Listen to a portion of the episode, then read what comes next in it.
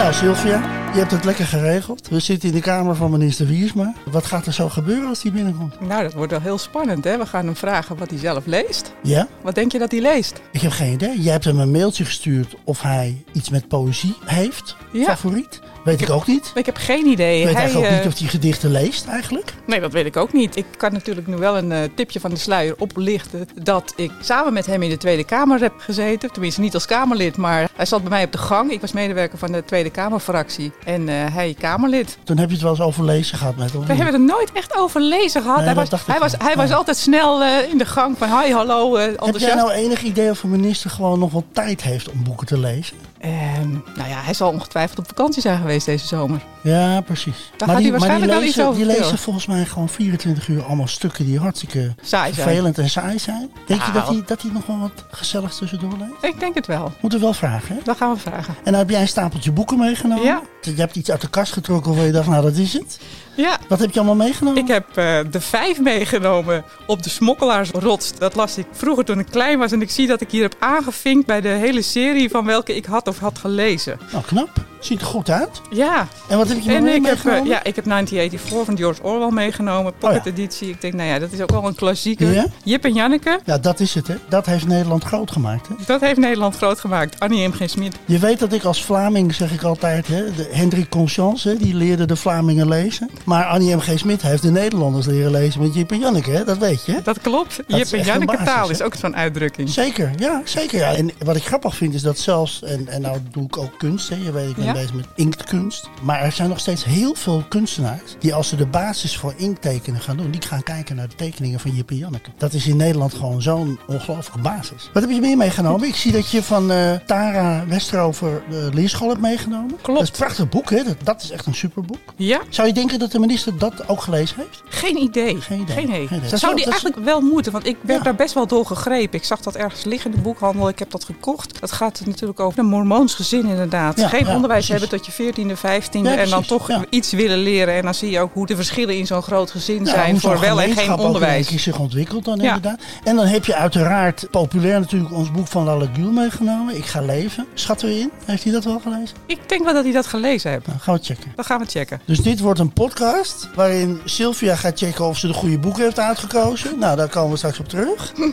En het wordt een podcast waar ik als directeur, denk ik, gewoon ga vragen van... Goh, minister, wat is eigenlijk die rol van de bibliotheek? Hoe zie je dat? Want ik zeg altijd, wij zijn het centrum van de maatschappij. Maar misschien zegt die minister straks wel, nou, dat valt wel mee, eh, jongen. Je weet Ja, ik ben de minister van Onderwijs. Wat moet de bibliotheek hier? Hoe We enthousiast gaat hem zijn? vragen, hè? Ja, we gaan het hem vragen. Nou, dat wordt luisteren naar de podcast What the Beep met minister Wiersma. We zijn hartstikke happy dat we hier in Den Haag mogen zijn. Super. In de kamer van de minister. Dat is heel bijzonder. Ja, Dus nou zitten we uit de klets, maar volgens mij, Sylvia... Horen deur we hem open. aankomen? Hij komt binnen. Ik denk dat we gaan beginnen.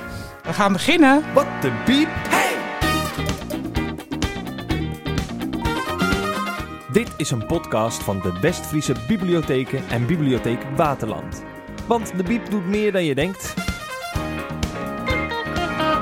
Wat de biep. Hebben wij de minister geïnformeerd dat wij altijd een chaos van zo'n podcast Ja, dat is inderdaad ook zo. Welkom bij eh, de podcast Wat de Biep. Een hele bijzondere speciale. We zitten in de kamer van minister Wiersma op eh, het ministerie van eh, Onderwijs, Cultuur en Wetenschappen. Heel bijzonder, want waarom zou je een bibliotheekpodcast doen bij de minister van Onderwijs? Nou, omdat we het over educatie gaan hebben vanuit de bibliotheken en een aantal mooie plannen die hier liggen. Welkom eh, Dennis Wiersma. Ja, dank. Leuk dat je hier wil zijn. En natuurlijk met mijn co-host Norbert van Halderen, de directeur van Bibliotheek Waterland en de Westfriese Bibliotheken, namens wie wij deze bibliotheek podcast ook maken. Het grondgebied ligt hier. We hebben een Ken je Biepspel meegenomen voor de minister. Mijn naam is Sylvia Bakker. Nou ja, het Ken je Biepspel is inmiddels overhandigd ook voor de camera aan de minister.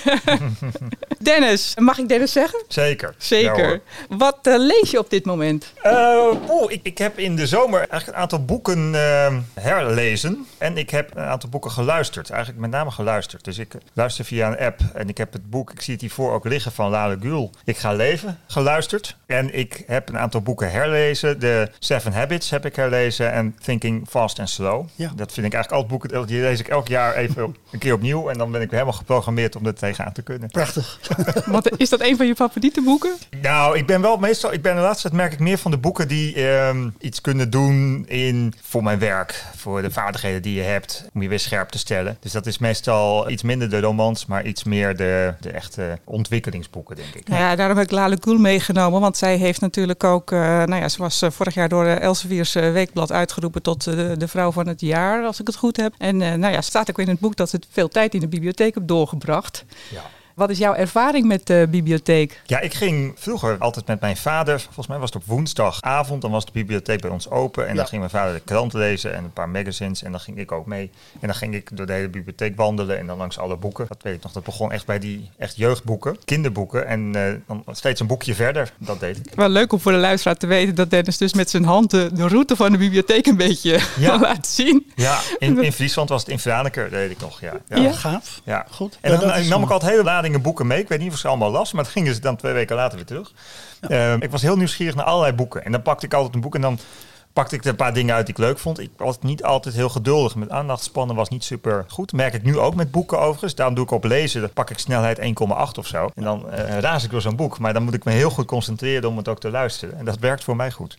Maar je hebt ook kinderen. Ja, En eh, ik begrijp dat ze naar school gaan. ja, ja, ik heb een dochter van vijf. Die gaat nu naar groep 2. Ja. En merk je dat daar ook de bibliotheek wordt gestimuleerd? Ehm, Al die nou, leeftijd? dat weet ik niet zo goed. Wij mogen pas heel sinds kort weer eens in de week in het klaslokaal. Oh ja. Dat was door corona eh, lastig. Dus ik heb niet zo heel goed de school zelf nog kunnen bekijken, eerlijk gezegd. Dus of daar een bibliotheek staat, weet ik niet. Ik zie het op heel veel scholen, want er komt natuurlijk wel op veel scholen. Zie ik wel heel veel bibliotheken staan. hè. Dus eh, dat er boeken worden aangeleverd of ook weer gewisseld worden. Nou ja, Dat is het groeiend fenomeen, hè? wat we de DBOS noemen, dus de bibliotheek op school. En dat is ook waar wij ja, als bibliotheek heel erg die link met dat onderwijs zoeken. Omdat we met z'n allen natuurlijk heel erg tegen dat leesprobleem aanlopen. We zijn met z'n allen niet happy met het leesniveau in Nederland. En we zien dat dat heel erg goed werkt als de bibliotheek met scholen samenwerkt. En dat je dan echt wel de aandacht voor het lezen vanuit de leesconsulent van de school krijgt. En dat is met name kindertjes vanaf vijf jaar. Hè? De, de kleinere groepen, daar beginnen we al.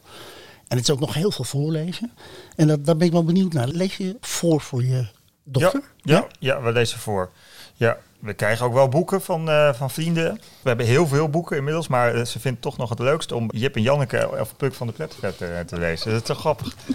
ja, dan pakken we toch die verhalen. Ja, heerlijk. Eh, en dat zijn ook, nou ja, iets dikkere boekjes. Maar we hebben ook eh, allerlei moderne boeken en ook dingen waar al allerlei plaatjes. Het begint natuurlijk te voelen zijn. Ik heb ook een zoontje van twee, dus dan heb je andere type Ja, boekjes wat je gebruikt. Nee, dat gebruiken we wel en dat vinden we ook leuk. En ze leren ook dat het leuk is. Ik weet dat vroeger ook wel. Ik ben zelf niet zoveel voorgelezen, maar ik luisterde allemaal boeken. Dus ik denk, ja, Ja. tegenwoordig vind ik dat nog steeds leuk. Toen had ik cassettebandjes die ik dan luisterde, van die sprookjes. Kon je dan een abonnement opnemen. Dan krijg je elke zoveel weken weer een boek met een cassettebandje. Nou, da- daarom is het heel leuk eh, omdat we een podcast maken, want die kan je ook luisteren. Precies. Dus eh, we gaan Ja, straks is een promo eh, opnemen. Dus eh, Ja. mooi om het luisteren ook te ook stimuleren. Ja, dat is voor de bibliotheek ook het, de luisterboeken. Hè. We we doen heel veel met luisterboeken. En in het verleden dachten we, nou, dat is alleen maar voor de oudere bevolking. Maar we zien inderdaad dat podcastseries, maar ook echt het online lezen en luisteren van boeken ook steeds meer bij jonge mensen En de mensen die dus zoals Dennis, ja, toch heel druk bestaan hebben, maar onderweg ook nog een stukje luisteren naar een luisterboek.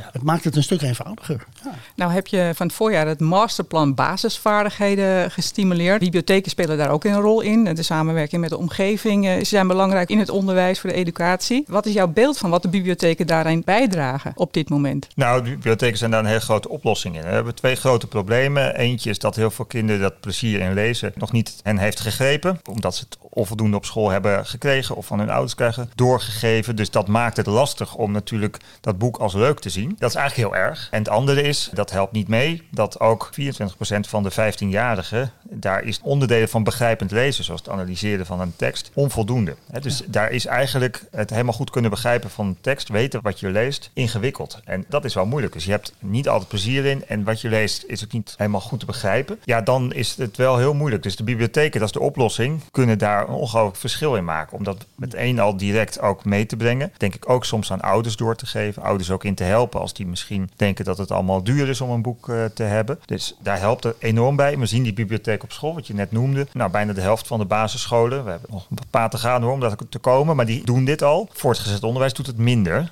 En we zien ook al dat op de pabo's bijvoorbeeld ook minder van die leeslijsten ook aan jonge docenten in opleiding worden geboden. Hè. Soms hoef je nog maar een paar boeken te lezen. Terwijl ja, als je daarna moet vertellen dat je in de klas wel nog uh, zes, zeven boeken moet lezen, dan wordt het wel lastig als je zelf misschien dat ook niet hebt moeten doen en het plezier misschien ook wel niet hebt ervaren. Dus we geven het ook wel door, maar dat is dus het verkeerde wat we nu doorgeven. Maar heb je zelf ook een ervaring met de boekenlijst of de leeslijst van de middelbare school? Ja, want ik kom niet uit een gezin waar heel veel gelezen werd en nog steeds niet gelezen wordt. Dus ik had helaas geen boeken thuis. Ik ben pas inderdaad gaan lezen toen ik de leeslijst had. En wij werden gedwongen in de klas. Bij Nederlands gingen we gewoon twee uur in de week alleen maar een boek lezen. Op een gegeven moment. Dus ja, dan weet ik in ieder geval dat jullie lezen, zei de ja. leraar. Nou ja, ik, en toen ik, heb ik... ik uh, de, en ik weet nog niet, de twee eerste boeken die ik uh, las, zijn we altijd bijgebleven. Vind ik toch altijd een heel mooi boek. De Aanslag en De Kleine Blonde Dood. En dat zijn uh, klassiekers. Maar ik ben altijd blij dat ik die gelezen heb. Maar ik heb ook altijd moeite daarna gehad om echt de aandacht helemaal vast te houden om dat te doen. Maar het lukt wel. En soms pak ik ook wel gewoon echt mooie romans. En dan kan die ook echt grijpen. Hè, zoals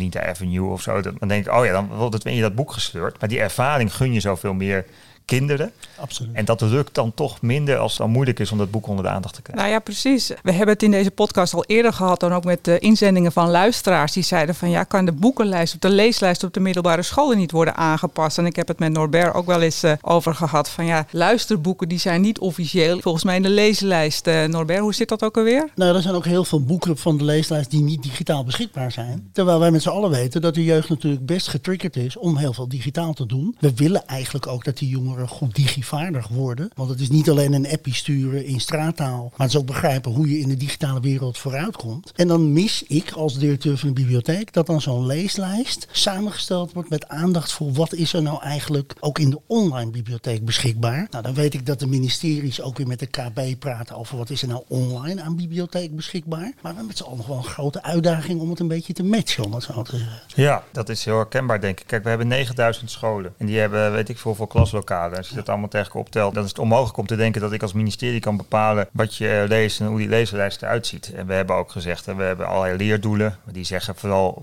wat er moet plaatsvinden. En de manier waarop je dat invult is aan scholen. Maar als we zien dat dat beperktere invulling krijgt, en dat wordt steeds beperkt, dan wordt dat wat je doorgeeft natuurlijk ook beperkt. En daar lopen we tegenaan. Ik vind het ook lastig om dan alleen maar de concessie te doen op, dan gaan we het maar op een vorm aanbieden die jongeren nu nog wel pruimen. Hè, dus luisteren bijvoorbeeld. Ik vind ook dat met lezen zelf in een boek gaan natuurlijk weer andere vaardigheden getraind worden. En die zijn ook van belang. Dus het zal helpen als je af en toe die flexibiliteit hebt. Al is het maar vooral om dat eerste plezier weer in dat lezen te vinden. En dat je daarna wel dat boek pakt. En dat merk ik bij mezelf ook wel. Dat als ik een luisterboek heb, dat ik het ook leuk vind om af en toe dan weer een gewoon boek te pakken. Fysiek boek. Ja, dat doe ik dan ook wel. Dus het moet ergens en, en helpen, elkaar omhoog helpen. Elkaar versterken, inderdaad. Nou ja, de leesconsulenten van onze bibliotheek Waterland, die hebben ook in het Nationaal Programma Onderwijs een grote rol vervuld met de middelbare scholen in Purmerend en omgeving. Ja, dat is een prachtig programma eigenlijk de gemeenten, en dat is in verschillende gemeenten in Nederland, maar in ons werkgebied best wel veel gemeenten, die hebben gezegd wij gaan dat stuk NPO-gelden wat wij kunnen inzetten, dat gaan we inzetten via de bibliotheek. En wij stimuleren voor de komende jaren dat leesonderwijs vanuit die leesconsulenten. Ik hoorde Dennis net zeggen, het VO, daar blijven we nog wat achter. Nou het is wel interessant dat inderdaad in West-Friesland en in Waterland, daar wordt nu ook op VO-scholen met leesconsulenten gewerkt, in de, met name de eerste en de tweede leerjaren. En dat heeft een ongelooflijk succes. Want je ziet dat jongeren dat wel willen, maar je moet ze inderdaad erin meenemen. Je moet ze aandacht geven.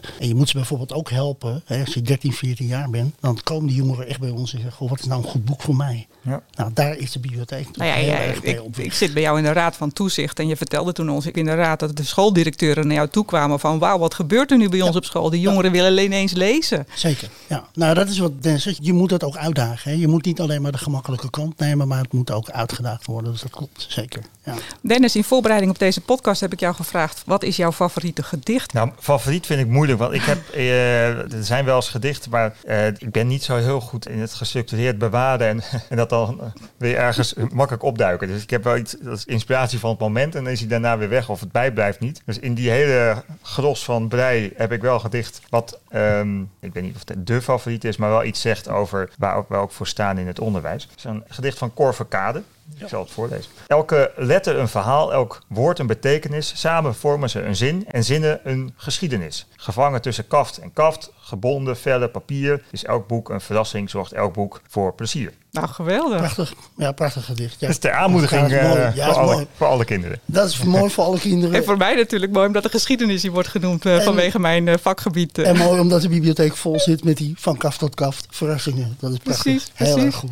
Ik denk dat we gaan afronden en dan eh, een mooie promo gaan opnemen. Dan wil ik eh, Dennis Wiersma geweldig bedanken dat we hier bij het ministerie te gast mogen zijn om deze podcast op te nemen. Ja, fantastisch dat jullie hier zijn en ook ons helpen in al die bibliotheken om dat plezier in lezen door te geven. Niet alleen aan de leerlingen, maar soms ook aan de leraren en ook aan de ouders. En daar hebben we met elkaar een grote opdracht te doen. En dat lukt steeds beter, maar we moeten niet opgeven. We hebben nog heel wat te- We werk hebben te heel veel te doen en niet inderdaad alleen voor de scholen, maar dat is de reden waarvoor wij de podcast Wat de Biep zijn begonnen. Norbert van Halder en ik, Sylvia Bakker. Omdat we willen laten zien wat doet de bibliotheek nog meer. Dus daar is nog steeds in de samenleving heel erg het beeld van we lenen boeken, maar er gebeurt zoveel in de bibliotheek. En eh, door hier te gast te zijn willen we echt laten zien en tastbaar maken. We zijn een hele belangrijke speler in de samenleving. Ja, nou, ik stel het op prijs wat de minister ook zegt. Dat wij als bibliotheek niet moeten opgeven. hè. Heel veel bibliotheekdirecteuren vochten jaren geleden tegen minder subsidie, minder mogelijkheden. We zijn er met z'n allen steeds doorgegaan. Ik denk dat we een hele goede rol gaan vervullen. En we hebben nog heel veel te doen. Hartelijk dank dat wij er mochten zijn, eh, Dennis. Jullie bedankt. Dankjewel Norbert van Halderen, Dennis Wiersma, ik ben Sylvia Bakker en eh, tot de volgende keer. Wat de biep.